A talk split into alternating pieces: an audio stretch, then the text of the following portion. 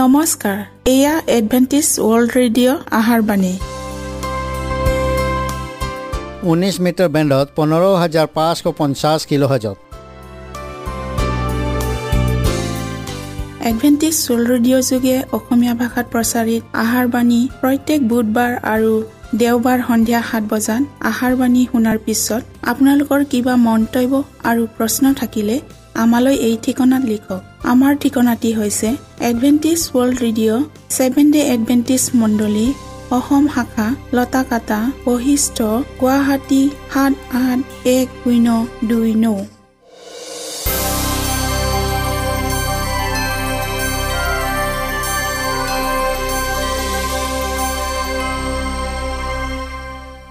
প্ৰিয় শ্ৰোতা বন্ধুসকল এতিয়া শুনো আহক এটি খ্ৰীষ্টীয় ধৰ্মীয় গীত।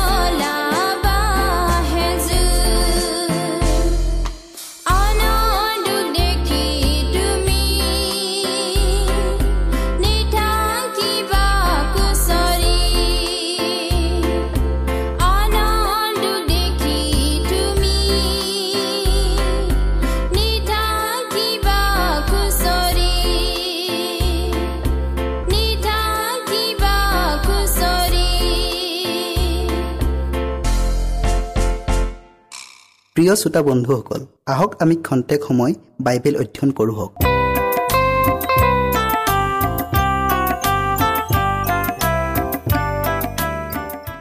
প্ৰিয় শ্ৰোতাসকল যোৱা অনুষ্ঠানৰ দৰাক আদৰিবলৈ ওলোৱা হওক ইয়াৰ বাকী অংশটো আজি আমি আকৌ অধ্যয়ন কৰোঁ হওক।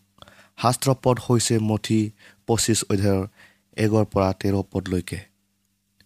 আমি অধ্যয়ন কৰাৰ আগতে প্ৰাৰ্থনা কৰোঁ হওক। সেই স্বৰ্গত থকা পবিত্ৰ জীৱনময় গৰাকী তোমাক ধন্যবাদ দিছোঁ প্ৰভু কিয়নো তোমাৰ আশীৰ্বাদ আৰু দয়াৰ এই সুন্দৰ সময় আমি আকৌ পালোঁ। প্ৰভু তুমি আমাৰ সংগে সংগে থাকি যি বিষয় অধ্যয়ন কৰিবলৈ আগবঢ়াইছোঁ এই বিষয়টিলৈ জানিবলৈ জ্ঞান দিয়া যীশুৰ পবিত্ৰ নামত খুজিলোঁ। আমেন। সংকটৰ সময়ত আমাৰ ধৈৰ্য শক্তি কিমান প্ৰকাশ পায় মাছ নিশা যেতিয়া দৃঢ় মাতেৰে সৌৱা দৰা পালেয়ে তেওঁক আদৰিবলৈ ওলোৱা হওক বুলি শুনিবলৈ পাব তেতিয়া কলমতীয়াই শুই পৰা জীয়ৰী ছোৱালী কেইজনী হাৰ পালে। কিন্তু পৰিস্থিতিৰ সৈতে সন্মুখীন হ'বলৈ কাক দেখা গ'ল? উভয় দলৰ অজ্ঞাত হাৰে ঘটনাটো ঘটিছিল। এটা দলে হঠাৎ আৰ্বিভাৱ হোৱা পৰিস্থিতিৰ সন্মুখীন হ'বলৈ যুগুত আছিল আৰু আনটো দল যুগুত নাছিল। ধাৰণা কৰিব নোৱাৰা বিপদৰ সন্মুখীন হৈছোঁ। ইয়াত জীৱন মৰণ প্ৰশ্ন জড়িত হৈ আছে। অনুগ্ৰহৰ দ্বাৰাইহে মৃত্যুকজন উদ্ধাৰ পাব। মানুহলৈ অনুগ্ৰহৰ কাল শেষ হ'লে উদ্ধাৰ পোৱাৰ উপায় চিৰকাললৈ লোপ পাব। প্ৰিয় শ্ৰোতাসকল দহজনী জীয়ৰী ছোৱালীয়ে বিশ্ব ইতিহাসৰ অন্তিম সময়ৰ দৃশ্যবোৰ প্ৰকাশ কৰি দেখুৱাইছে। আটাইবিলাকে নিজকে ঈশ্বৰ বিশ্বাসী বুলি দাবী কৰে। তেওঁৰ কাৰ্যৰ অৰ্থে সকলোৱে আহ্বান পাইছে। ইয়াৰ উপৰিও প্ৰভুৰ সক্ৰিয় কৰ্মী বুলি প্ৰয়োজনবোধে অনুসান্ধিক সঁজুলিবোৰ দিছে। সকলোৱে এক আশাৰে তেওঁৰ আগমনলৈ বাট চাই আছে। কিন্তু পাঁচজনী তেওঁক লগ পোৱাৰ বাবে যুগুত নাছিল। এতেকে এওঁলোকে হঠাৎ হতাশ নিৰাশাত ভুগি বিয়াৰ ভোজৰ ঘৰৰ বাহিৰত থাকিল।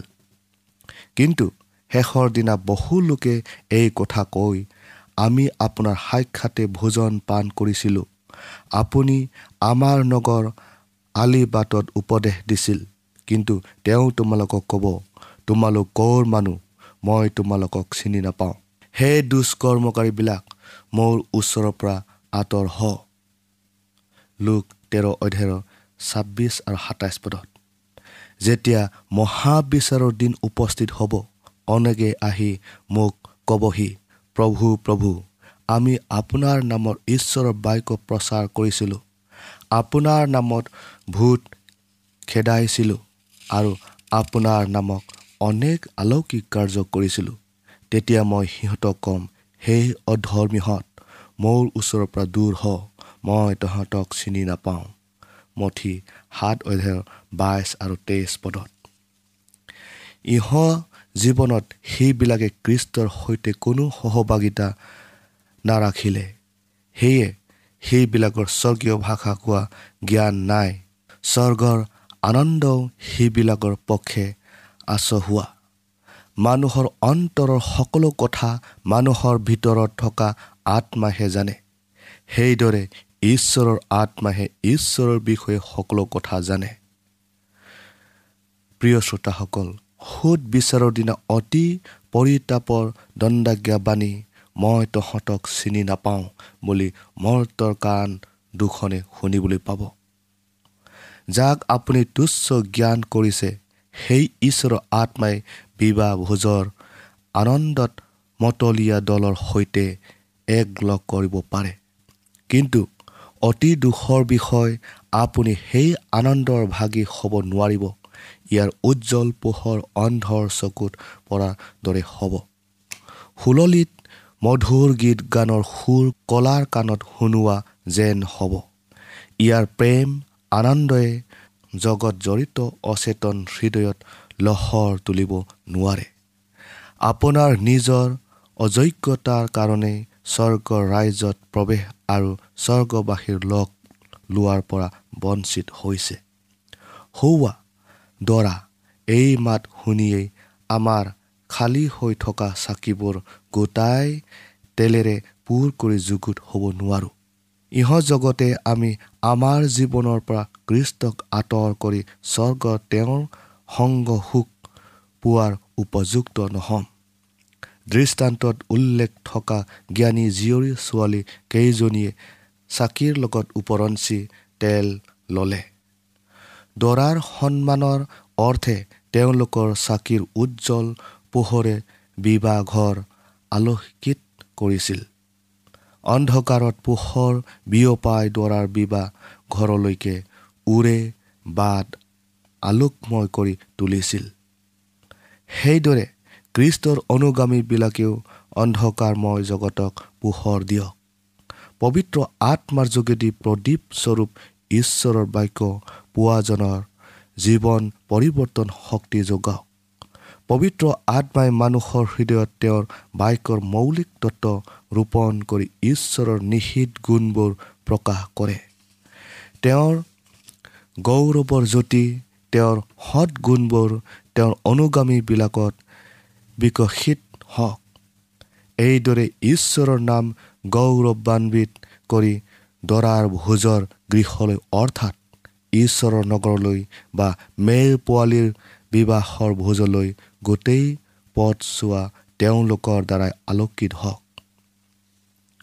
গভীৰ সময় অৰ্থাৎ মাছ নিশা দৰাৰ আগমন হৈছিল। সেইদৰে কৃষ্টৰ আগমনো বিশ্ব ইতিহাসৰ গভীৰ অন্ধকাৰ সময়ছোৱাত হ'ব।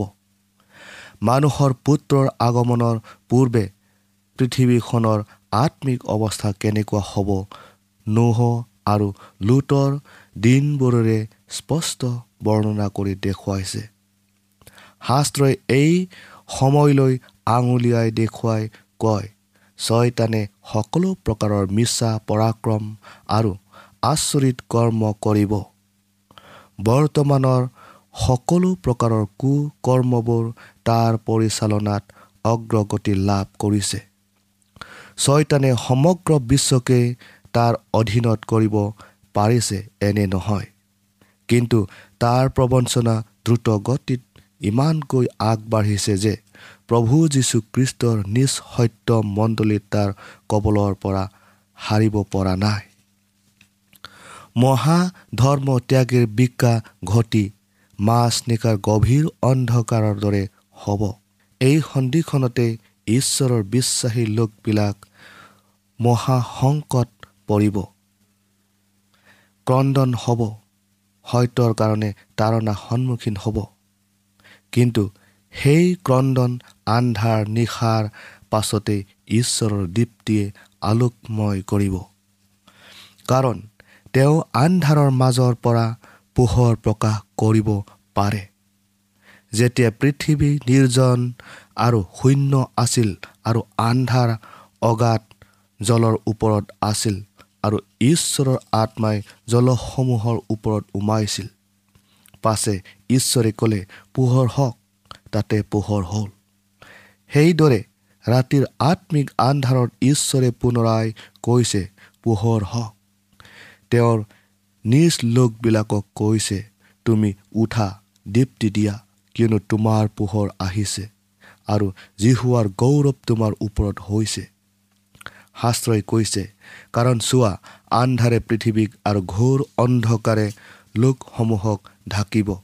কিন্তু জিহুৱা তোমাৰ ওপৰত উদয় হ'ব আৰু তোমাৰ ওপৰত তেওঁৰ গৌৰৱ প্ৰকাশিত হ'ব। ঈশ্বৰক জানিবলৈ ইচ্ছা নকৰাৰ ফলত আত্মিক বিষয়ক জ্ঞান নোহোৱা হ'ল।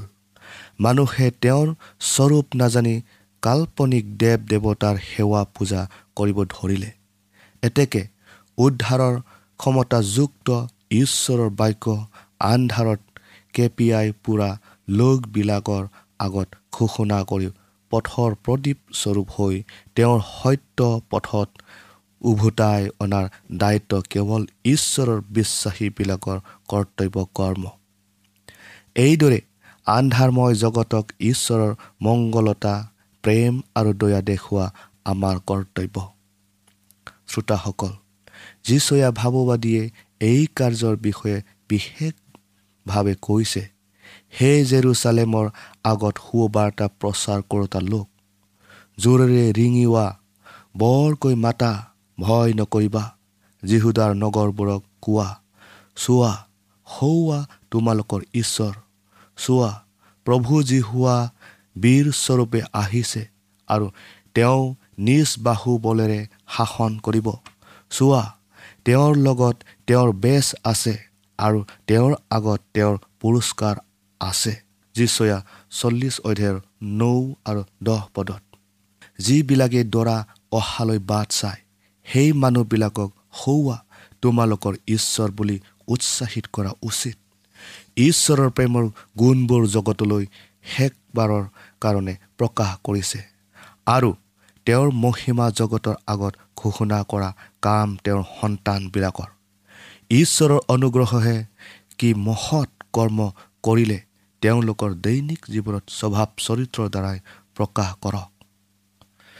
সকলো সৎকৰ্মবোৰত তেওঁৰ নিশ্বাসিত বাক্যত আৰু পবিত্ৰ কাৰ্যত ধাৰ্মিকতা সূৰ্যৰ কিৰণে আলোকপাত কৰক। কৃষ্ট যিজনাই পিতৃৰ মহিমা প্ৰকাশ কৰে তেওঁৱে জ্যোতি হৈ জগতলৈ আহিল। তেওঁ স্বয়ং ঈশ্বৰ কিন্তু পুত্ৰ হৈ জগতলৈ আহিল আৰু তেওঁৰ বিষয়ে লিখা আছে। পবিত্ৰ আত্মাৰে আৰু শক্তিৰে অভিষেক কৰিছিল। তাকো তোমালোকে জানা ঘূৰি ফুৰি সৎকৰ্ম কৰিছিল। পাচনি কৰ্ম দহ অধ্যায়ৰ আঠত্ৰিছ পদত। তেওঁ নাচৰতৰ নামঘৰত কৈছিল প্ৰভুৰ আত্মা মোৰ ওপৰত আছে। কাৰণ দৰিদ্ৰবিলাকৰ আগত সুবাৰ্তা প্ৰচাৰ কৰিবলৈ তেওঁ মোক অভিষেক কৰিলে। বন্দিয়াৰৰ আগত মুক্তিৰ কথা আৰু অন্ধৰ আগত দৃষ্টি পোৱাৰ কথা ঘোষণা কৰিবলৈ চেপা খোৱাবিলাকক মুকলি কৰিবলৈ আৰু প্ৰভুৰ অনুগ্ৰহৰ বছৰ ঘোষণা কৰিবলৈ মোক পঠালে। লোকচাৰী অধ্যায়ৰ ওঠৰ আৰু ঊনৈছ পদত। এনে কৰ্মৰ বাবে তেওঁ শিষ্যবিলাকক আদেশ দি কৈছিল তোমালোক সমগ্ৰ পৃথিৱীৰ বাবে পোহৰ স্বৰূপ। তোমালোকৰ পোহৰ মানুহৰ আগত প্ৰকাশিত হওক। তেতিয়া তেওঁলোকে তোমালোকে কৰা ভাল কৰ্ম দেখি তোমালোকৰ স্বৰ্গত থকা পিতৃৰ প্ৰশংসা কৰিব। এই একে কৰ্মকে যীচয়া ভাৱবাদীয়ে ব্যাখ্যা কৰি কৈছে কোধাটোৰ লোকক আহাৰ বাতি দিয়াই আৰু খেদি দিয়া দুখীয়াক নিজৰ ঘৰত আশ্ৰয় দিয়াই ব্ৰত নহয়নে? উলংগ দেখি তাক বস্ত্ৰ দান কৰাই আৰু নিজৰ মংসৰ পৰা নিজকে লুকুৱাই নৰখাই ব্ৰত নহয়নে? ইয়াকে কৰিলে অৰুণোদয়ৰ দৰে তোমাৰ দীপ্তি মেঘ ফালি ওলাব আৰু তোমাৰ আৰোগ্যতা শীঘ্ৰে গজি ওলাব। আৰু তোমাৰ ধাৰ্মিকতা তোমাৰ আগত যাওঁতা আৰু যি হোৱাৰ গৌৰৱ তোমাৰ পাছত যাওঁতা হ'ব। তেওঁৰ মণ্ডলীৰ যোগেদি নিহ লোকবিলাকক উন্নত সংস্থাপন আৰু শোক কৰাবিলাকক সান্তনা দি আত্মিক আন্ধাৰ নিশাৰ মাজত ঈশ্বৰৰ গৌৰৱেৰে আলোকময় কৰিব তোলক। প্ৰিয় শ্ৰোতাসকল আমাৰ চাৰিওফালে থকা লোকবিলাকৰ দুখ যন্ত্ৰণাৰ বিলাপ শুনা যায়। এনে অভাৱগ্ৰস্ত আৰু যন্ত্ৰণাত ভোগীবিলাকক পৰ্যামানে প্ৰয়োজনীয় সাহাৰ্য আগবঢ়াই দুখ কষ্ট আৰু যন্ত্ৰণাৰ উপশম কৰিব পাৰোঁ। কেৱল মুখেৰে বক্তৃতা দি থকাতকৈ কাৰ্য কৰি হোৱাকৈ হাতে কামে কৰাটো অধিক ফলদায়ক হ'ব। ক্ষুধাটোৰক আহাৰ দিয়া। উদং শৰীৰে থকাবিলাকক বস্ত্ৰ দান কৰা। আশ্ৰয়হীনক আশ্ৰয় দিয়াই আমাৰ কৰ্তব্য নহয়নে? কেৱল এইয়ে যথেষ্ট নহয় ইয়াতকৈও অধিক কৰিবলগীয়া কাম আছে। আত্মিক বিষয়ৰ অভাৱ কেৱল কৃষ্টৰ প্ৰেমেহে পূৰ কৰিব পাৰিব। কৃষ্ট যদি আমাৰ হৃদয়ত বাস কৰে তেন্তে আমাৰ হৃদয় স্বৰ্গীয় দয়া আৰু মহানুভূতিৰে পূৰ হ'ব। আৰু আমাৰ যোগেদি কৃষ্টৰ নিস্বাৰ্থ প্ৰেম আনৰ আগত পৰিলক্ষিত হ'ব। প্ৰিয় শ্ৰোতাসকল আজি আমি ইয়াতে সামৰিলোঁ। ইয়াৰ শেষ অংশ পৰৱৰ্তী অনুষ্ঠানত আপোনালোকে শুনিবলৈ পাম হওক। আশা কৰোঁ আপোনালোকক পুনৰ লগ পাম বুলি ঈশ্বৰে আপোনালোকক আশীৰ্বাদ কৰক।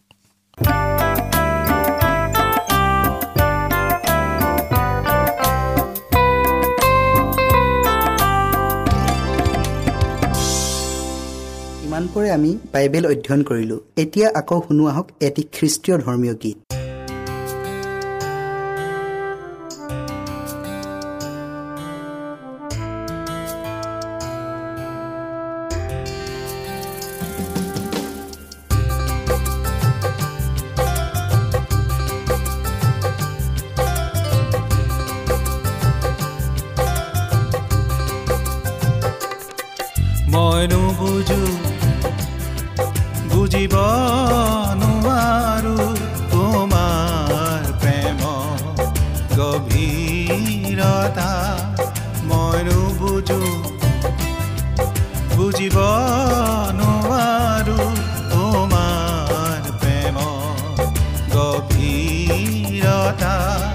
মাথো মই আজি অবাক যাওঁ তোমাৰ প্ৰেমৰ কথা যেতিয়া ভাবো মাথো মই আজি অবাক যাওঁ তোমাৰ প্ৰেমৰ কথা যেতিয়া ভাবো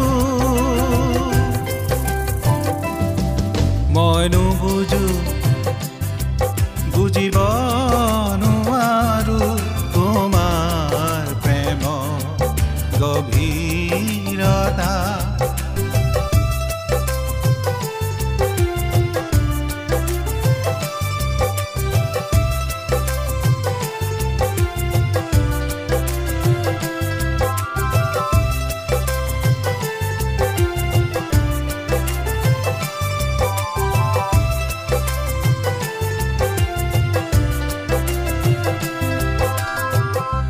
তুমি সহিলা নিষ্ঠুৰ যাতনা ক্ৰুচৰ নিজকে অৰ্পিলা মোৰ পাপৰ বুজা বহন কৰিলা তোমাৰ তেজেৰে মোক উদ্ধাৰিলা তুমি কহিলা নিষ্ঠুৰ যাতনা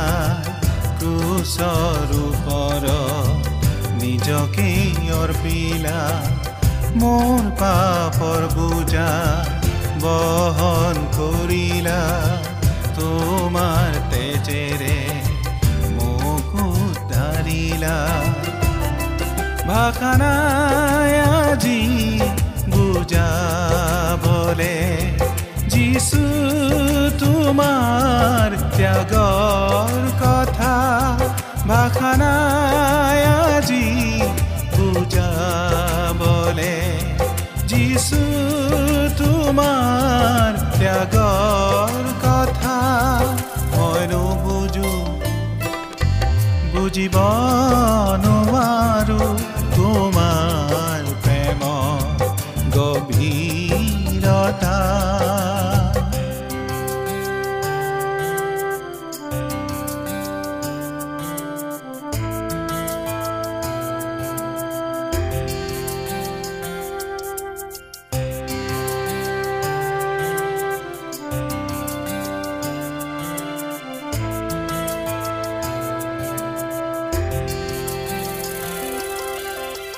তুমি দিলাম অনন্ত জীৱ তোমাৰ প্ৰেমেৰে লভিলো পৰিত্ৰাণ এই জীৱনলে শান্তি বোৱালা দুখৰ বুজাম আঁতৰ কৰিলা তুমি দিলাম।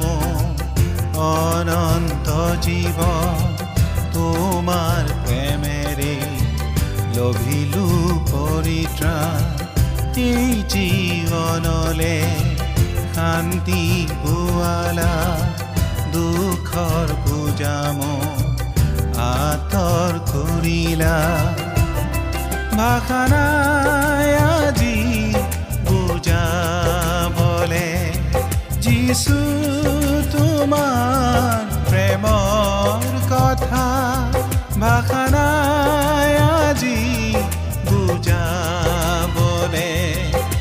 যিছু তোমাৰ প্ৰেমৰ কথা মই নুবুজো বুজিব নোৱাৰো তোমাৰ প্ৰেম গভীৰতা মই নুবুজো বুজিব নোৱাৰো তোমাৰ প্ৰেম গভীৰতা মাথো মই আজি অবাক হৈ যাওঁ তোমাৰ প্ৰেমৰ কথা যেতিয়া ভাবো মাথো মই আজি মনত ৰাখিব আমাৰ ঠিকনাটি পুনৰ কৈ দিছোঁ। Adventist world radio' Assam region of seven day Adventist voice of hope Lotakata Basistha Guwahati seven eight one zero' two nine প্ৰিয় শ্ৰোতা বন্ধুসকল এডভেণ্টিজ ৱৰ্ল্ড ৰেডিঅ' যোগে আহাৰবাণী প্ৰচাৰত আপোনালোকক পুনৰ লগ পোৱাৰ আহাৰে আজিলৈ সামৰিলোঁ। ধন্যবাদ।